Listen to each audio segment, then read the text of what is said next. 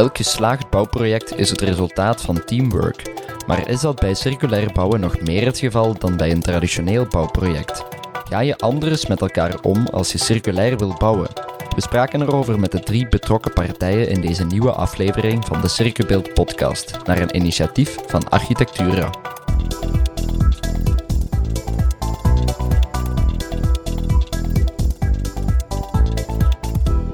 Welkom bij deze podcast over de rol van architect, aannemer en fabrikant bij circulaire bouwprojecten. Als architect nodigen we Frederik Jacobs van Konings RDBM uit. Wij denken ons dat we als architect meer moeten opschuiven in de richting van de aannemer ook. Uh, zoals de aannemers en producenten ook opgeschoven zijn in onze richting, maar dat we dat de verschillen tussen de verschillende uh, rollen uh, of de kennis en de kunde die je moet hebben, dat, dat komt dichter bij elkaar. Jury Beneens van het gelijknamige bouwbedrijf deelt ons zijn ervaringen als aannemer van circulaire bouwprojecten. We moeten elkaar versterkend meetrekken in dat project. We moeten de ideeën van, van alle partijen van in het begin al uh, mee gaan, gaan opnemen in dat ontwerp. En ja, je gaat tot op het einde met die partijen verder. Ten slotte zit er met Thomas Dox ook een fabrikant aan tafel. De firma Dox is specialist in akoestische materialen en zet hierbij ook in op circulariteit. Hetgeen wat ik altijd eh, rond circulariteit ook aan mensen meegeef, is eigenlijk uh, laat je omringen door gelijkgestelde mensen uh, binnen de bouwwereld.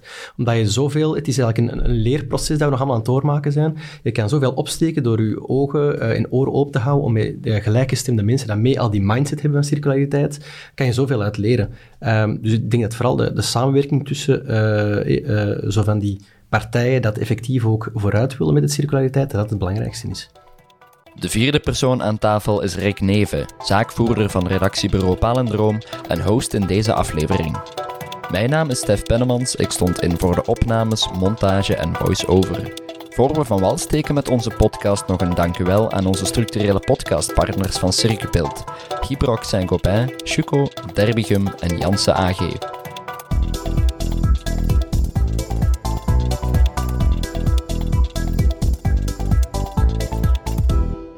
Alle drie de gesprekspartners hebben al heel wat circulaire projecten op de teller staan. Het bedrijf van Jurie Beneens maakte deel uit van het consortium dat het circulaire kantoorgebouw op Kamp C in Westerlo bijna voltooid heeft. En voor het circulair bouwen op zich hebben we uh, tien jaar geleden ons eerste CLT-project gedaan, waar we met cross-laminated timber en gelameerd hout beginnen werken zijn. En zo al enkele jaren mooie referenties opgebouwd. En ons er ook uh, in verbeterd. Uh, en nu tot een volledig demonteerbaar uh, gebouw te kunnen komen. Om, uh, ja, de laatste jaren hebben we daar mooie referenties mee gebouwd en vandaag zijn we op Camp C dat echt uh, tot 100% demonteerbaar aan brengen. Architectenbureau Konings RDBM heeft een vette kluif aan het circulair herbestemmingsproject Multi in Brussel, maar heeft intussen zelf zijn intrek genomen in een circulair kantoorgebouw. Wij zijn bezig met circulair bouwen in ons project in Brussel, Multi, verbouwing van de voormalige Philips-toren aan de Aanspachlaan. Um, die voor 89% eh, gebleven is en waar wij voor een uh, hoog percentage eigenlijk uh, materiaal uit andere projecten geoogst en herbruikt hebben en een aantal materialen laten oogsten hebben in het gebouw voor andere projecten. En jullie gaan zelf ook verhuizen naar een, een circulair kantoorgebouw? Ja, wij, zoals ze zeggen, walk your talk. Uh, wij doen dat. Dus wij, zijn, um, wij gaan verhuizen naar de Mechelse Steenweg binnen enkele weken waar wij een, uh, een, bestaande kunstgalerij gekocht hebben en die wij aan het inrichten zijn tot uh, nieuwe kantoren, aangepast aan de tijd voor het hybride werken en waar wij eigenlijk uh, nauwelijks materiaal hebben afgevoerd en het grotendeel van het materiaal dat we gebruiken om onze functionaliteit op te bouwen, hebben gerecupereerd uit andere projecten. Of als het nieuw materiaal is, uh, dat het materiaal is dat eigenlijk volledig voldoet aan het circulaire bouwen dus volledig uh, demontabel is uh, en opnieuw kan opgebouwd worden. Fabrikanten zoals Thomas Dox kunnen de circulariteit van een bouwproject verhogen door producten aan te bieden die een tweede of derde leven kunnen leiden, eventueel door het principe van product as a service toe te passen. Wij zijn ook al sterk bezig met circulaire bouw in die zin dat bij elk nieuw product of dienst dat wij ontwikkelen, dat dat de eerste gedachte en eerste factor eigenlijk is om ehm, het op een circulaire manier terug te kunnen gaan inzetten, een tweede, derde leven en zo verder te geven. Um, we hebben dan ook vorig jaar een nieuwe dienst ontwikkeld, Acoustics as a Service, dat er eigenlijk het vervolg van is, om eigenlijk met de materialen dat we terug gerecupereerd hebben, um, als een dienst te gaan aanbieden. En dat we ook daarvan die materialen dat we ergens gaan plaatsen, ook terug opnieuw na vijf of tien jaar uh, na datum, terug opnieuw ze kunnen gaan terughalen om ze dan weer verder uh, in die markt te gaan zetten. Cruciaal voor elk bouwproject is de keuze van de partners. Voor een circulair bouwproject is dat niet anders en misschien zelfs belangrijker dan bij een traditioneel bouwproject. Ik denk dat het belangrijk is dat, uh, dat alle partijen die aan zo'n project uh, meedoen, dat die bereid zijn om alles in vraag te stellen en, en nieuwe paden uh, te bewandelen.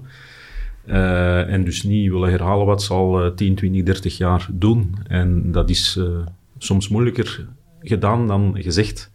Ehm, maar dus, dat is wel belangrijk dat je die mentaliteit aanneemt en dat je dus naar alternatieve manieren wil kijken en die ook realiseert. Ja, ik, denk, ik denk inderdaad dat het heel belangrijk is, um, dat zien we ook bij um, uh, partners um, waar we regelmatig mee samenwerken, uh, of, uh, of niet, is dat het een, een, soort van mindset is. Je moet eigenlijk echt met partijen werken die dat zelf circulair rijp zijn en die mindset hebben. ik vergelijk het altijd een beetje zoals, om een parallel te trekken met de paperless werken. het is pas als je effectief ook de printer uit het kantoor wegneemt, dat de mensen ook oplossingen gaan beginnen zien en vinden om paperless te werken. Het is heel belangrijk dat dat je eigenlijk um, dat, uh, die, die mindset creëert door uh, alles in vraag te stellen, zoals, uh, zoals je zei. Jury, geldt dat dan ook voor de keuze van de onderaannemers? Ja, het, het, de mindset is heel belangrijk. Mindset en vastberadenheid daarin. En de keuze van, uh, van de architect en van de aannemers en onderaannemers, die, die is daar ja, toch wel heel belangrijk in. En om die nu ten opzichte van elkaar te vergelijken, met wie ga ik nu aan in zee gaan, is er toch wel uh, ja, een, een goede vergelijking nodig. En dat kan je doen op, op basis van, uh, van referenties. En voor heel wat bedrijven is het vandaag, uh, hebben zij duurzaamheidsrapporten, waar je de verschillende aannemers of verschillende onderaannemers naast elkaar kunt vergelijken op basis van zo'n duurzaamheidsrapport, dat, dat dan vaak ook op de website ja, te raadplegen is. Uh, je kan ook die bedrijven gaan vergelijken op basis van hun eigen inspanningen om CO2-verlagend te werken uh, in de bedrijfsvoering. En dat zijn dan de, bijvoorbeeld de CO2-prestatieladders waar je mee kan gaan vergelijken. En dan daarnaast eventueel ook de, de referenties. Hè. En ja, de mindset en de vastberadenheid daarin, uh, die zijn heel belangrijk om tot een goed eind te gaan. Want de, de minste strubbeling uh, uh, en terug loslaten en naar de gewone manier van werken gaan is en, wel heel gemakkelijk. In hoeverre is ervaring een, een must? Ehm, is het echt belangrijk dat je al verschillende projecten hebt uitgevoerd rond circulaire bouwen om, om een project tot een goed einde te brengen? Maar iedereen moet natuurlijk een eerste keer zijn eerste circulair project. Ik denk dat dat zeker zal helpen. we hebben het gemerkt in ons multiproject, dat je toch wel wat uh, hindernissen tegenkomt. En, en daarom hebben wij het ook zelf nu toegepast in ons eigen nieuwe kantoor. Uh, en daar ook gemerkt dat het een enorme uitdaging is, voor, uh, ook voor onze eigen mensen, hè, om anders te gaan denken. Hè. Het is anders gaan ontwerpen, anders gaan leven. Uh, dat, dat, allee, die een challenge voor, voor ontwerpers die gewoon zijn geweest om eigenlijk alles te mogen kiezen.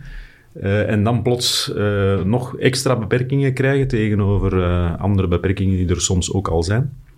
Ja, dat, dat, dat stelt echt wel een uitdaging. Ehm, dus wij hebben er ook uitdrukkelijk voor om gekozen om, om het voor onszelf te doen, om die ervaring ook te kunnen delen en te laten zien aan onze klanten. Want er zijn ook collega's die zeggen, ja, dat is niet voor morgen en, en het zal nog allemaal zijn tijd wel nemen. Dus wij willen het echt bewijzen door het gewoon te doen. -hmm. En dat is trial and error dikwijls. Absoluut, absoluut. Ja, ja. Mm ja. En, en welke lessen zijn er zo al, heb, hebben jullie al kunnen trekken, bijvoorbeeld uit het multiproject? Ja, dat bijvoorbeeld, ja, je moet rekening houden met het feit dat je niet zeker bent dat dingen gaan beschikbaar zijn. Hè? Omdat investeerders uh, meestal niet bereid zullen zijn, voorlopig of op dit moment, om al op voorhand uh, te investeren in materialen die dan te laten liggen tot het moment dat ze moeten verwerkt worden. Uh, dus het kan dan zijn, als dat niet gebeurt, dat er op het moment dat je moet gaan oogsten en op tijd in de logistieke flow de materialen daar te krijgen, dat ze niet kunnen komen en dat je moet uh, schakelen.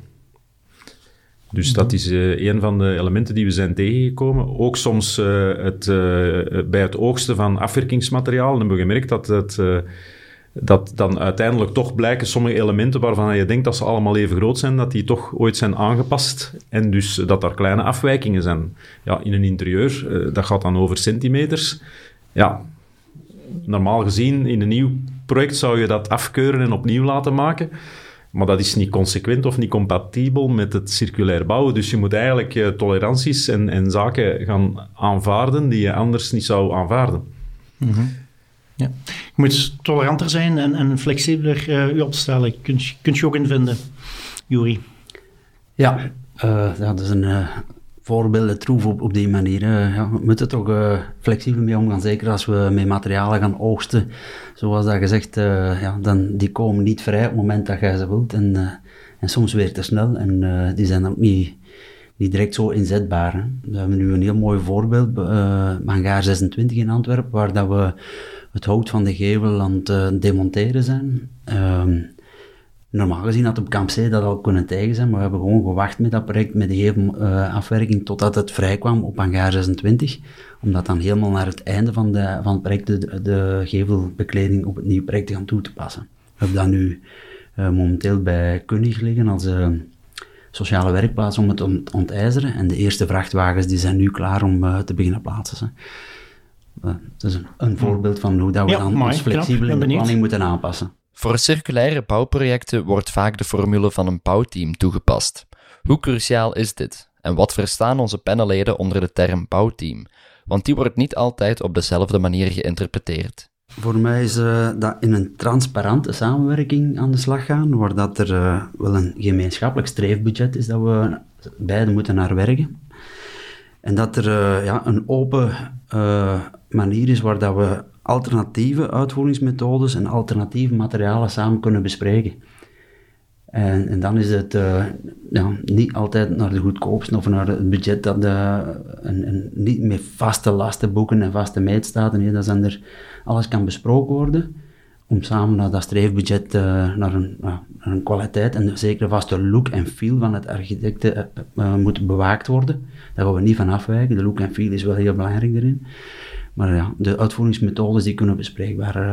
En is het cruciaal voor u dat als je circulair wilt bouwen, dat er met bouwteam gewerkt wordt? Of kunt je ook evengoed een circulair project realiseren zonder bouwteam? Het kan ook zonder. Maar dan ga ik ervan uit dat de, de architecten dan volledig volgens ja, die denkpisten van circulair bouwen hun, hun plan en meetstaat en laatste gemaakt hebben. Maar dan moet dat daar al helemaal in gebeiteld zijn. en dan denk ik dat het beter is om toch, ja, zeker omdat die beschikbaarheid er niet altijd is en dat er dikwijls een, wat experimenten aan vooraf gaan, of dat het wel haalbaar is, of dat die materialen kunnen toegepast worden, dat het toch beter is om wat vrijheid te creëren in dat bouwteam en zo de circulariteit te verhogen. Dus jullie zijn ook voorstander van, van de bouwteamformule? Ja, ik denk uh, zeker en vast uh, dat het een, uh, een meerwaarde is voor zo'n circulair project tot een goed einde te brengen. om de ja, eenvoudige reden dat het, het circulaire bouwtraject een heel ander traject is dan het klassieke bouwtraject. je gaat toch um, in een circulair bouwtraject met zo'n bouwteam komen eigenlijk alle actoren van de bouw, dus zowel de bouwheer, ontwerper, um, aannemer, maar ook fabrikant en architect allemaal samen in één team. Um, en dat dus bij elke fase van het bouwtraject, um, dat er daar wordt uh, ja, uh, overeengekomen en dat je daar flexibiliteit in hebt. Zowel bij het ontwerp al, als bij de uh, bouw zelf, maar ook de fase achteraf. En dat ook iedereen daar zijn verantwoordelijkheid in neemt. Zowel bij het traject dat je zegt van oké, we gaan um, bij het begin, hè, dus zoals jij zei, Juri, dat je alles kan bespreken, dat er niet met vaste meetstaten, vaste lastenboeken wordt gewerkt. Omdat het toch ook wel een, een, een traject is wat met try and error en een paar experimenten aan vooraf gaan. Uh, maar ook dat bij de oplevering van de bouw, hè, na tien jaar aansprakelijkheid van architect en aannemer, dat die ook niet nadien zeggen, nu is onze verantwoordelijkheid weg. Nee, dat je eigenlijk gedurende heel de levensfase van het bouwtraject, dat je samen die verantwoordelijkheid uh, daarmee draagt. En um, daarvoor denk ik uh, dat zo echt een bouwteam waar alles kan besproken worden over heel het traject, dat dat wel een, een, een, meerwaarde is om het tot een efficiënt, mooi project te leiden. Frederik, passen jullie het ook regelmatig toe bij Konex RDBM, de bouwteamformule? Uh, ja, maar enfin, ik denk effectief, je moet het intiem doen. Uh, zeker in de huidige context waar, dat er, waar dat het nog geen in, ingeburgerde manier van werken is. Hè. Uh, de gestandaardiseerde materialen en flows en dergelijke zijn er niet. De standaard bestekken zijn er niet. Ehm, dus dat kan gewoon vandaag niet, denk ik. Um, anderzijds denken wij, uh, wij voelen ons meer en meer bouwmeester. Hè. Wij denken ons dat we als architect meer moeten opschuiven in de richting van de aannemer ook. Uh, zoals de aannemers en producenten ook opgeschoven zijn in onze richting. Maar dat we dat de verschillen tussen de verschillende uh, rollen uh, of de kennis en de kunde die je moet hebben, dat, dat komt dichter bij elkaar. Uh, dus het is niet de architect en de ingenieur die theoretisch op voorhand alles voorbereidt. Nee, het is, het is samenwerken en het vraagt um, het vraagt meer aanwezigheid ook tijdens, uh, tijdens het, bouwproces van ons en van de creativiteit, omdat ja, met veel meer nieuwe situaties geconfronteerd worden. We moeten daarbij, en dat is toch klassiek ook onze taak, uh, de opdrachtgever rustig houden en, en managen, hè, het verwachtingsmanagement. Ervoor zorgen dat je uiteindelijk toch wel in een, ja, eindigt binnen het afgesproken budget, wat dan niet, niet evident is. Um, dus um, ook daar uh, denken wij dat 4D en 5D ontwerpen, hè, naast het 3D ontwerpen en dan alles koppelen in BIM-modellen, dat je tijd en geld nog dynamischer gaan moeten uh, behandelen om flexibel om te gaan en, en, en, veerkrachtig om te gaan met wat er tijdens zo'n proces gebeurt, zonder te ontsporen hè, in, in, in, in, in, in tijd en in geld. En dat is pas nog een uiteenzetting gehoord van, van Ken de Koopman van uh, eh, BC Architects. Mhm. Die was ook wel voorstander van, van een, een bouwteam. Maar hij waarschuwde wel uh, dat er moet voor, over gewaakt worden dat de architect wel het laatste woord heeft. En, en, en, en dat risico is er bij bouwteams, zegt hij, dat uh, de verantwoordelijkheden te zeer verschoven worden en, en dat de architect soms wat buitenspel gezet wordt. Wel, dat is de reden waarom ik zeg dat wij willen opschuiven in de richting van uh, wat ook aannemers doen, dus terug naar het bouwmeesterschap. En dat wij in ons bureau, en in ons bureau is dat ook zo, uh, ook voldoende mensen moeten hebben die, uh, die weten wat dat is, hè, bouwen. Hè. Dat, is dat is ook een vak, naast het maken van tekeningen. Dus wij hebben in onze ploeg al, al meer dan tien jaar verschillende mensen die wij toen gerecruiteerd hebben vanuit de aannemerij. En die ervoor zorgen dat ook bij ons op kantoor, dat er voldoende, ja, het zijn dan meestal ingenieurs, uh, die ervaring hebben gehad in, in, bij aannemersbedrijven en die, en die begrijpen wat, dat, wat dat collega's hier aan tafel ook eh, mee geconfronteerd worden. uh, Andersom is het ook waar, denk ik, Jori, dat, dat bij aannemers er ook uh, ontwerpers een dienst zijn die het ontwerp, de, die ontwerpaspecten nader bekijken. Ja, dat is inderdaad zo. En dat, de verschuiving van de verantwoordelijkheden, vandaag ligt er enorm veel verantwoordelijkheden bij de architectenbureaus. In Nederland is dat helemaal anders. In Nederland is het uh, een design, uh, een look en feel, die wordt uh, bij de architect gelegd en dan neemt een aannemer veel meer over, zoals stabiliteit en ja, de studie van de technieken. Ik verwacht ook die verschuiving in, in België en ik denk dat dat een gezonde verschuiving zou kunnen zijn en dat er dan in een bouwteam misschien wel eerst wordt gekozen naar een ideale bouwmethode, daar dan zelfs de aannemer in een veel vroeger fase mee aan betrekken. Dat gaat toch een beetje meer opgeschoven worden als standaardisatie in de klommen, balken, vloerplaten, om zo dat waardebehoud op die bouwmateriaal te kunnen kiezen.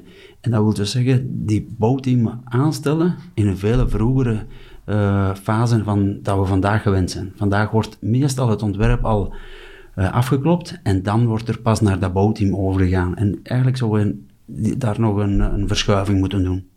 Mhm. Dan zitten we ook bij, bij de manier van, van aanbesteden, denk ik. En uh, ik weet, uh, Jori, dat jij in zijn uiteenzetting voor de Green Deal circulaire bouw gezegd hebt dat de traditionele manier van aanbesteden dat dat niet meer van deze tijd is. En de laagste prijs als criterium vragen, dat dat eigenlijk een problemenvragen is. Ja, en problemen die we gedurende heel dat bouwproces gaan meeslepen ook. Hè. Uh, vandaag aanbesteding waar dat dan tien aannemers op inschrijven en als enkel de gunning de laagste prijs is, dan wordt daar iemand geselecteerd die mogelijk al een fout heeft uh, in zijn berekeningen want hij is de goedkoopste en, en vaak zit dat verschil naar de onderste wel heel groot. Die voelt dat ook vanaf dag één, van oei, wat ben ik vergeten? Die gaat al zoeken wat dan vergeten is en dan gaat men zien van hoe kan ik dat in dat bouwproces nog kunnen rechttrekken.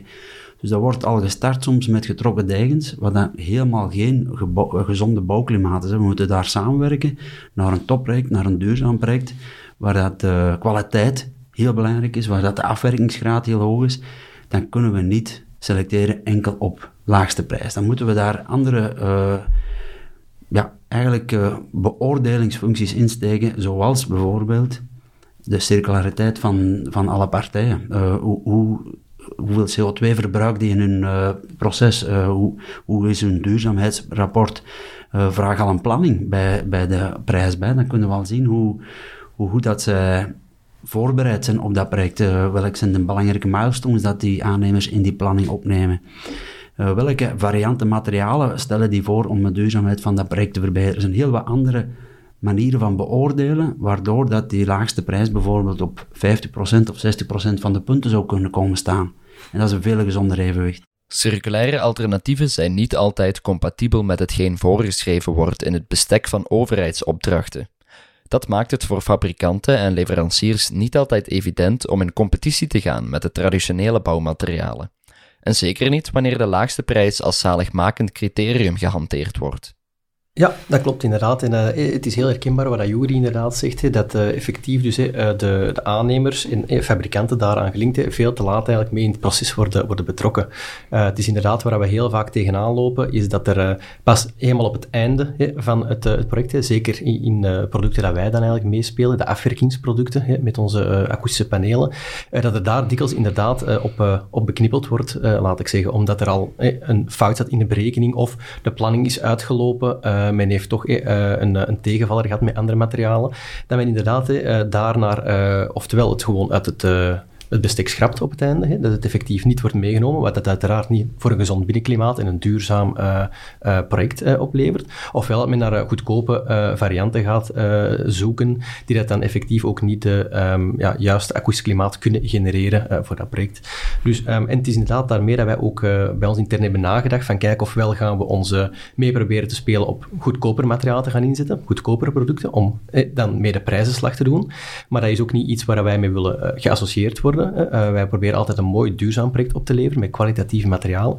En daarom dat we dus met dat uh, Acoustics as a Service verhaal zijn afgekomen. Omdat er in dat verhaal wordt er eigenlijk de verschuiving gemaakt van een CAPEX-investering naar een OPEX-investering. Dus de investering wordt niet gedragen door de eindklant op het moment zelf, dus dat moet worden aangekocht. Wij blijven eigenaar van de producten. Wij rekenen ook restwaarde mee in de producten. Daarom dat het zo belangrijk is om kwalitatieve materiaal te, te voorzien, dat ook effectief een tweede, derde leven kunnen geven. Dus als materiaal terug wordt gerecupereerd, is er nog een restwaarde, die dat dus bij de initiële uh, calculatie van de materialen uh, en van het project niet meer moet worden betaald door de eindklant uiteraard. En de investering wordt dus gespreid van jaar naar jaar, dus het is geen hoofdinvestering dat moet, uh, moet worden genomen. En op die manier proberen wij toch om onze um, kwalitatieve producten die uh, performant uh, ook hun, uh, hun akoestisch klimaat kunnen genereren, toch op een aanvaardbaar, laat ik zeggen, prijsniveau mee in de markt met de, de, goedkopere varianten, laat ik zeggen. Frederik, in hoeverre passen jullie, jullie lastenboeken aan om te komen tot een circulairder bouwproject? Uh, eerlijk gezegd hebben we dat nog niet gedaan. Uh, dat staat wel op de, op de agenda intern om te zien, ja, we moeten, we moeten die teksten inderdaad gaan aanpassen. Uh, omdat de projecten die we tot hiertoe gedaan hebben, die waren eigenlijk ook in een soort van bouwteam. Ehm, dus daar hebben we dat niet nodig gehad. We hebben op dit moment nog geen circulaire of geen circulariteit toegepast in, in, in, projecten die, die vallen onder de wet op de overheidsopdrachten bijvoorbeeld. Uh, want dat is natuurlijk op dat vlak wel een heel grote uitdaging. ik denk ook, ik geloof, uh, zoals Thomas zegt, uh, ook in dat verhaal van het verschuiven van CAPEX naar OPEX, maar daar is de overheid nog niet mee bezig. En eerlijk gezegd, grote corporates zijn daar ook nog niet mee bezig. Dus dat zit, die budgetten zitten nog altijd op een andere plaats en worden door andere mensen beheerst of beheerd. Dus dat, dat, dat blijft toch een probleem.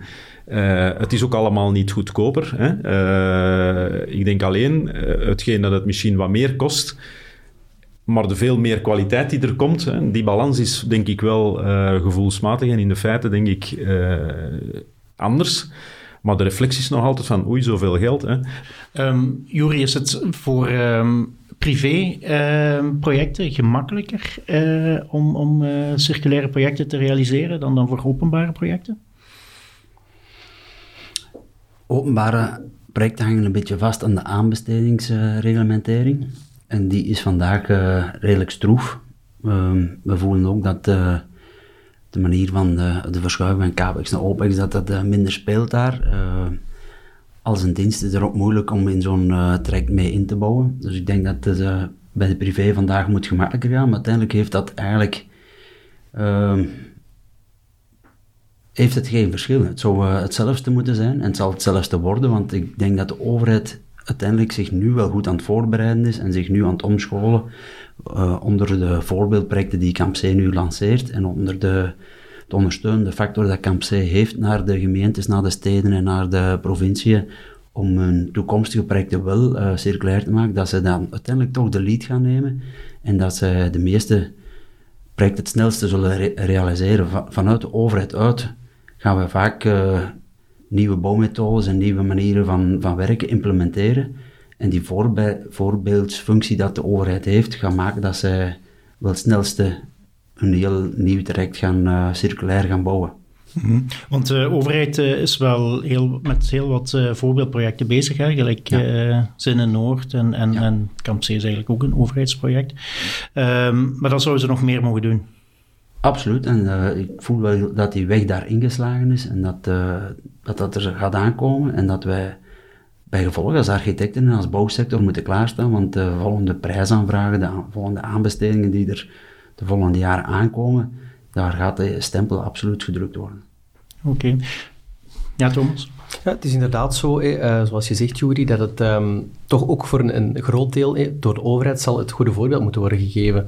Um, en ik heb ook wel de indruk eh, dat met het, het Vlaanderen, circulaire bouwen, waarmee dat we eh, toch al een aantal jaar nu met gelijkgestelde mensen bezig zijn, dat er ook stilletjes aan zijn vruchten begint af te werpen. Zo hebben we bijvoorbeeld ook in het nieuwe Herman Teirlink gebouw in, in Brussel, hebben wij er ook mee als partner mogen samenwerken, omdat men ons ook via Vlaanderen Circulair had gecontacteerd.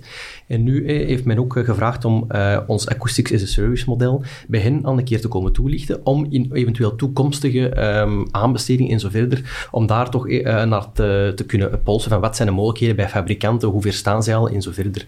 Dus uh, ik ben wel vrij hoopvol dat het uh, wel ook door de overheid ook het, het goede voorbeeld in aanbestedingen stilletjes aan zal binnenrollen de komende jaren. Als er voor een, een, circulair bouwproject gekozen wordt, zal dan de rol van, van de fabrikant, van de leverancier, ook, ook veranderen volgens u? Ja, absoluut. Hè. Dus zoals we daarnet ook al hebben gezegd, is dat um, het, de rol van fabrikant meer naar voren ook mee gaat moeten verschuiven om ook zijn uh, producten, laat ik zeggen, um, mee te kunnen afstemmen op het project. Hè? Dus dat er inderdaad via standaard maatvoeringen en zo elkaar rekening worden gehouden. Um, ook is het dus effectief de bedoeling ja, dat die producten van een degelijke kwaliteit zijn en dat dus de keuzes in het ontwerptraject ook al kunnen gerecupereerd worden 20, 30 of zelfs 50 jaar nadat ze geïnstalleerd zijn. Dus het is heel belangrijk daarom goed te kunnen afstemmen um, wat dat effectief um, naar uh, recuperatie van de materialen betreft. Dus um, daar gaat zeker en vast een, een nauwere samenwerking al voor uh, in het begin van het traject nodig zijn. Want Jury, in uh, het consortium van Camp C zaten ook redelijk wat fabrikanten, geloof ik al, hè? Ja, we hadden daar een consortium moeten oprichten. We waren met zeven partijen. Uh, we hadden van in de aanbestedingsfase moeten inschrijven met een consortium, uh, maar dat blijkt toch uh, zeer aangenaam te zijn ook om, om, die mensen vanaf dag 1 mee te kunnen betrekken. Zo was dat Westarchitectuur, Strength Engineering, Ten Engineering, Muurtuin, Tenerga met warmte als dienst en dan het Vito die mee aan de slag waren gaan. -hmm. Zo hebben we het dossier samengesteld, zo hebben we samen dat ontwerp uh, gemaakt en dan hebben we dat als een consortium uh, ingediend en zo gekozen als een consortium. En, en waar ligt het verschil tussen een consortium en een bouwteam? We moeten elkaar versterkend uh, meetrekken in dat project. We moeten de ideeën van, van alle partijen van in het begin al mee gaan, gaan opnemen in dat ontwerp. En uh, ja, je gaat tot op het einde met die partijen verder, die, die ja, vanaf de gunning dan mee geëngageerd zijn om het effectief gaan uit te voeren. ja, dat is dan tot op het einde ook, dat het toch een andere manier van werken is. Frederik, als jullie met een circulair bouwproject bezig zijn, verwacht je dan ook meer van de fabrikant dan, dan, een, dan vroeger, dan bij een traditioneel bouwproject? Ja, ik denk dat de herbruikbaarheid uh, natuurlijk, als die mee kan geïmplementeerd worden van het begin bij de ontwikkeling van producten, wat toch klassiek door fabrikanten gebeurt, uh, dat dat, uh, dat, allez, een, een, voorwaarde gaat zijn. Hè. Sowieso is dat ook interessant om, wat we dan noemen design for manufacturing and assembly, van als wij al vroeger in, in projecten, in ontwerp traject kunnen gaan samenwerken met, met leveranciers, met fabrikanten beter. Uh, dat je eigenlijk ook die know-how uh, van producten uh, die misschien op het moment dat wij ze gaan nodig hebben in de realisatie van projecten, allee, als die nu nog niet op de markt zijn, maar dan wel, dan kan je daar ook mee rekening houden. Kan je dat ook al implementeren, want in een bestek kan je alleen maar dingen schrijven die, die al bestaan. Hè. Maar vaak zijn wij ook, uh, weten we ook van fabrikanten, ja, er zitten dingen in de pijplijn die tegen een bepaald moment er wel zullen zijn. Als we er kunnen op anticiperen, uh, samen met die fabrikanten en samen met die klanten, hè, wat we er net zeiden, uh, richting bouwteams en dat soort zaken, dat is natuurlijk ook wel belangrijk als kader om het te kunnen doen. Mm maar ik denk, nogmaals, ik heb er straks ook gezegd, ik denk dat alles dichter bij naar elkaar toe moet groeien en dat we naar andere uh, profitmodellen moeten gaan uh, om, om op basis van transparantie uh, en kwaliteitsbesef en duurzaamheidsbesef ja, op een andere manier samen te werken, hè, waarbij dat we elkaar kunnen helpen om, om, om winst te maken. en winst is dan niet alleen in financiële resultaten, maar ook winst in, in dingen die ertoe doen in de wereld. Circulair bouwen heeft natuurlijk ook een impact op de financiële afhandeling van een project. Wil dat zeggen dat er dan ook anders en op andere tijdstippen gefactureerd moet worden? Niet per se, uh, maar wel als we bepaalde dingen als een dienst gaan aanbieden. Uh, bijvoorbeeld op uh, Camp C hebben we daar klimaat als een dienst in gestoken, waar we met Energa het bioveld en de warmtepompen aanbieden. En betalen zij over een periode van 20 jaar uh, eh, 8 euro per vierkante meter voor klimaat als een dienst. Dus dat is een, een andere manier om dat in de tijd.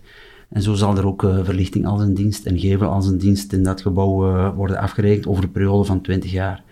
Hier is de aanbesteding wel extreem gezet door de helft van het gebouw wordt betaald aan ons via vorderingsstaten en de andere helft is gespreid over 20 jaar. Bijvoorbeeld ook de elektriciteitsverbruik wordt aan ons afgerekend daar. Dus we moesten bij de aanbesteding al een prijs plakken op, op elektriciteit. Wat ik niet per se een richting wil uh, van maken om, uh, om, om, de volgende jaren zo mee om te gaan. Het heeft ons wel uitgedaagd om zeer goed te isoleren en, en alles twee keren, drie keren, vier keren te bekijken voordat we bepaalde knopen doorhakten. Um, maar uh, het maakt ook dat wij pas binnen 20 jaar gaan weten of dat we iets verdiend hebben aan dat project. En maakt het ook niet heel complex uh, door het zo te spreiden tijd en, en, product as a service? Ja. Dat vergt veel meer administratie dan, dan één keer een factuur uitschrijven. Hè? Absoluut, dat maakt dat zeer complex. En uh, de banken zijn daar ook niet voor klaar trouwens. We geven als een dienst, dat vraagt risico's, dat vraagt zekerheden. En als wij bij de aanbesteding naar de banken gingen en zeiden van ja, we willen dat gaan doen, geven als een dienst aanbieden aan dat gebouw, zeiden ze ja, totdat contracten moesten gemaakt worden, bleek dat toch dat zij, uh, het wetgevend kader er ook niet voor klaar is om dat risico op dat gebouw te nemen. Omdat uh, ja, de eigenaar van die grond is uh, provincie Antwerpen. Wij zijn een bouwbedrijf en ze willen niet dat risico nemen op dat gebouw. Stel dat ik failliet ga, of dat, stel dat daar een van de gebruikers failliet gaan, ze betalen niet meer, hebben ze geen manier om terug aan die gevel als een dienst te geraken. Dus die zekerheden zijn enkel op mijn onbalance uh, als een bedrijf uh, genomen, waardoor dat, dat vandaag een, een, keer of twee, drie kan toegepast worden, maar dan wordt die een te zware. Dat is geen business, business case om dat op 100 gebouwen gaan toe te passen. Ik denk inderdaad typisch het, uh, het probleem dat er vandaag de dag nog is, zeker met de financiële kant van as-a-service um, dienstaanbiedingen, is uh, dat alles gaat en staat voor de traditionele bankenwereld met wat is de, de restwaarde, wat zijn de zekerheden daarop. En het probleem natuurlijk dat we vandaag de dag nog niet echt helemaal goed kunnen afdekken is, wat als ik binnen eh, 15, 20 jaar materiaal ga recupereren, wat gaat de tweedehandswaarde zijn van die materialen? Uh, en dat is enkel alleen is dat de, de tijd gaat uitwijzen natuurlijk. Eerste eh, projecten en contracten zijn nu afgesloten. Pas binnen, voor ons persoonlijk, ons akoestische service contract is op vijf jaar. Pas binnen vijf jaar gaan wij weten wat zijn effectief de restwaarde van die materialen. Wat is de liquiditeit op die markt en zo verder.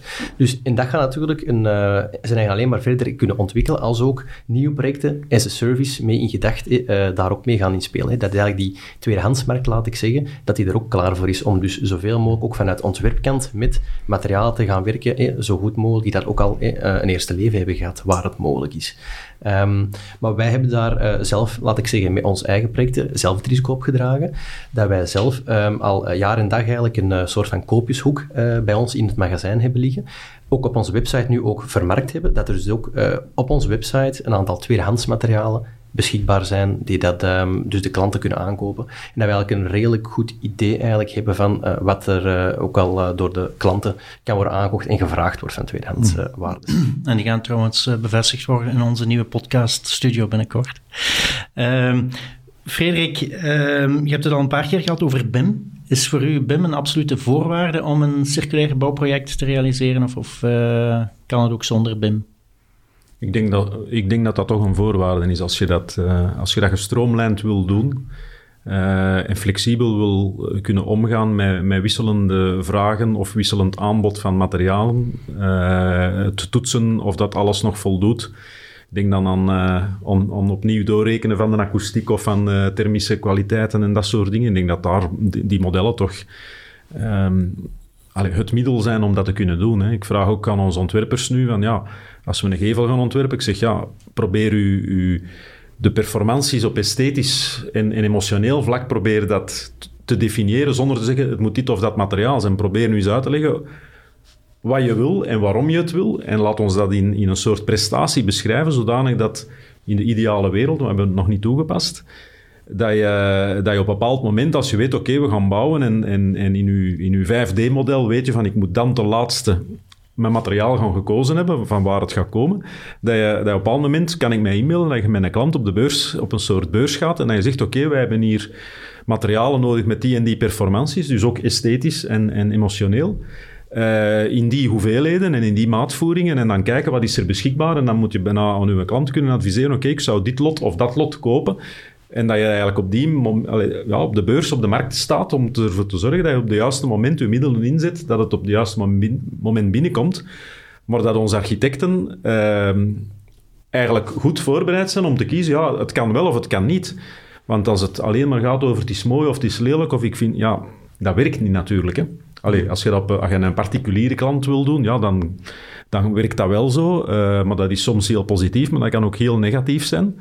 Maar als je dit moet gaan doen voor een organisatie, uh, of dat nu een overheid is of een, of een bedrijf, een privébedrijf, ja, dat is niet evident. Hè?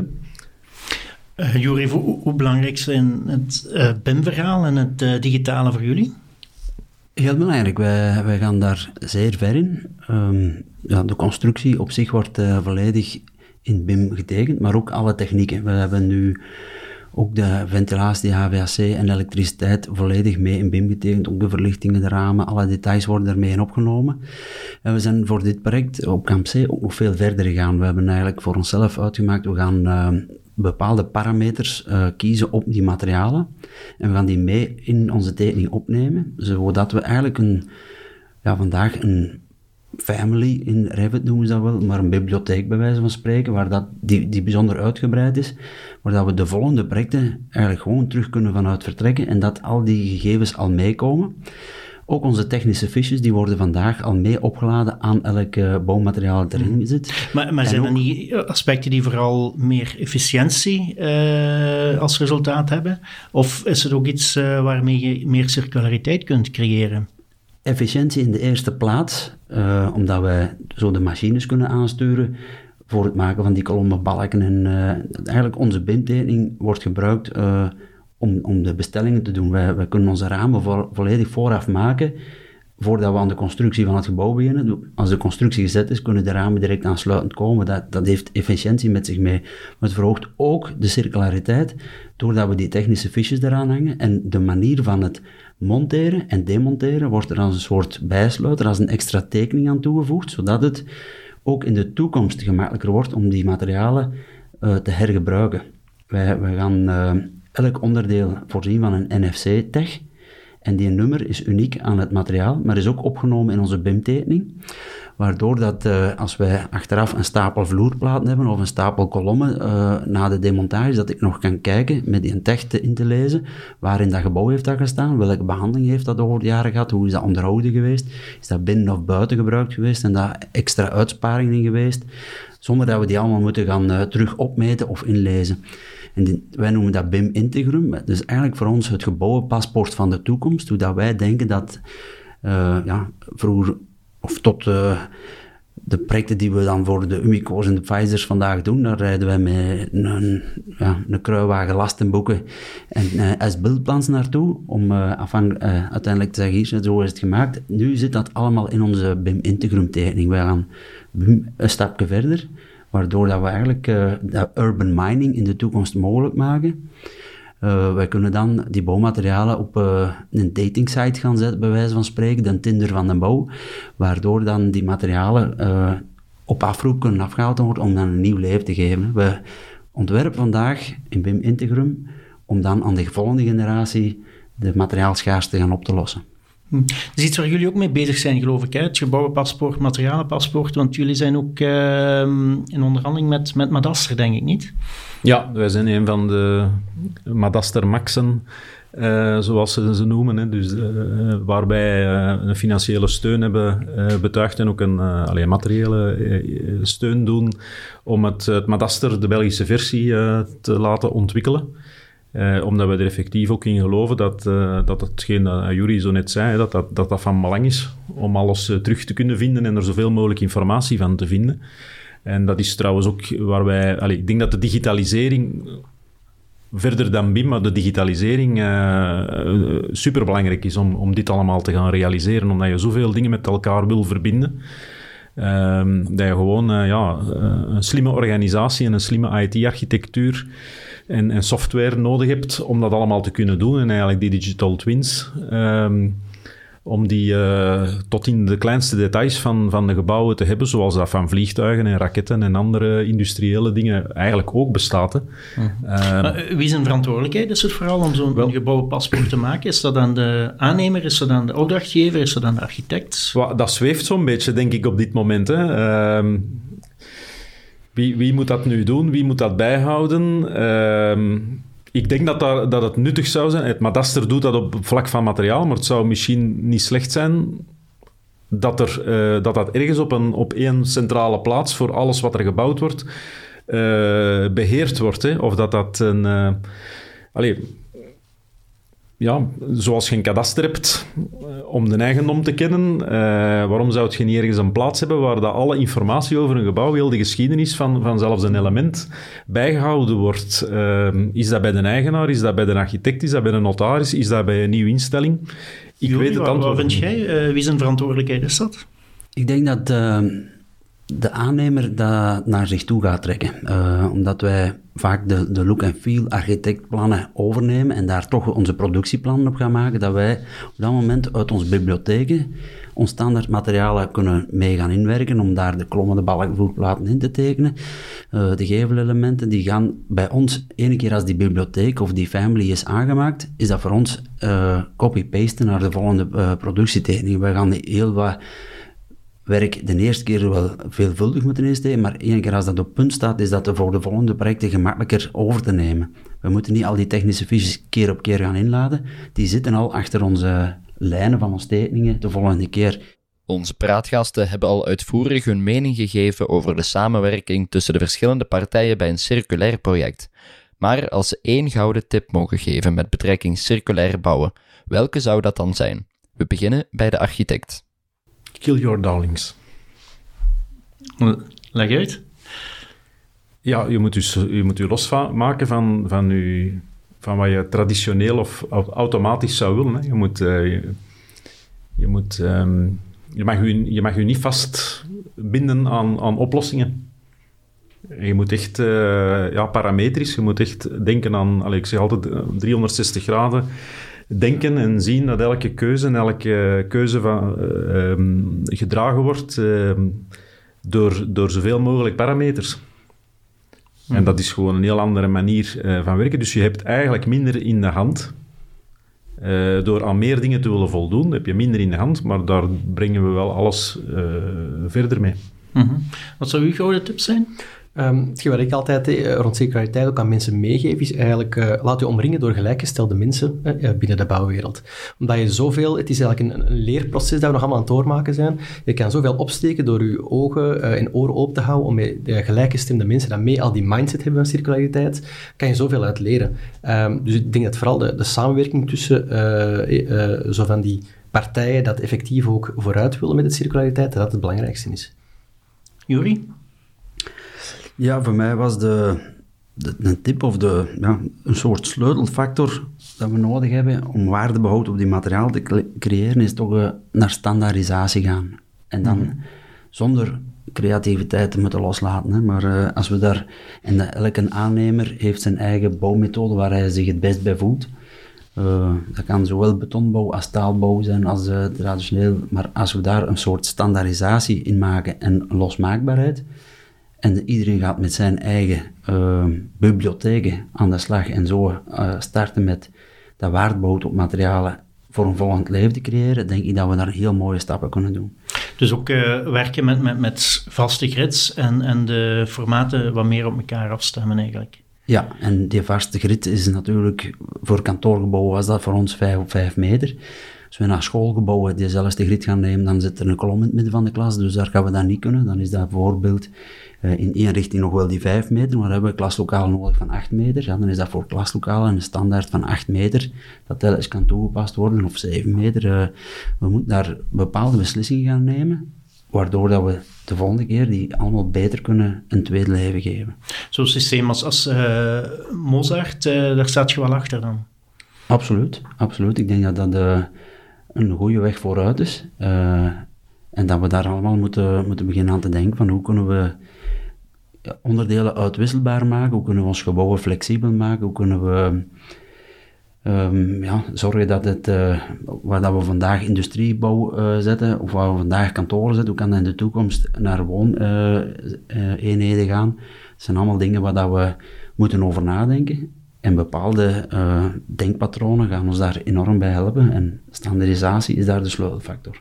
Zoals onze meeste podcasts besluiten we het gesprek met een favoriete quote van onze panelleden die illustratief is voor een visie op architectuur en op circulair bouwen. Deze keer laten we Juri de aannemer de spits afbijten. Ik heb uh, een quote van prof uh, Hans Verboven genomen, uh, van het bedrijf Sustacom. En hij heeft al een paar keer als motiverende uitspraak voor aannemers gebruikt: Wees geen bouwfossiel, denk circulair. Ik vond dat wel een aanmoedig iets van als we blijven doen wat we aan het doen zijn en we staan stil, en dan gaan we tot de bouwfossielen behoren en uh, we moeten vooruitgang maken. Thomas is zijn quote gaan zoeken in de wereld van de kunst. Ja, ik heb eigenlijk een quote gekozen um, die dat door uh, de uh, bekende artiest Banksy is gebruikt. hij heeft het op de muur in Queens in New York gezet in 2013. En daar zegt hij eigenlijk: What we do in life echoes in eternity. En ik vind dat wel een hele mooie, omdat het effectief ook aangeeft van kijk, het is iets dat je nu een, een handeling vandaag wel of niet doet, maar de gevolgen zijn wel merkbaar tot uh, effectief in, uh, in de toekomst voor onze kinderen, kleinkinderen en zo verder. Dus ik vind dat wel een hele mooie om bij stil te staan van wat je vandaag eigenlijk doet, heeft echt wel een grote impact op uh, hetgene wat je aan je kinderen en kleinkinderen en zo verder doorgeeft. En Frederik tenslotte zocht zijn inspiratie bij Mahatma Gandhi. Be the change that you want to see in the world. Leg eens uit. Ja, die komt van Gandhi. Hè. Ik heb hem niet zelf bedacht. Uh, maar ik denk, ja, als je, als je vooruit wilt en je wilt duurzaam en circulair uh, bouwen, doe dat dan begint dat met jezelf te doen. Hè. Dus wat wij gedaan hebben op ons kantoor, uh, dat is dan kleinschalig natuurlijk, maar, maar het gewoon zelf doen. en dan moet je advocaat worden ook en, en, vertegenwoordiger en verdediger van wat je doet in de, voor een zeer kritisch publiek, namelijk de 40 architecten die er gaan komen werken. Uh, dus dat is een hele uitdaging. Uh, maar het is de enige manier, uh, denk ik, om, om vooruit te gaan en om de mensen ook te inspireren. Drie uiteenlopende quotes die onze podcast mooi afsluiten. Bedankt aan onze gasten Juri Beneens, Thomas Doks en Frederik Jacobs en natuurlijk u voor het luisteren. Rick Neven was de host van dienst en mijn naam is Stef Pennemans. Ik stond in voor de opnames, montage en voice-over.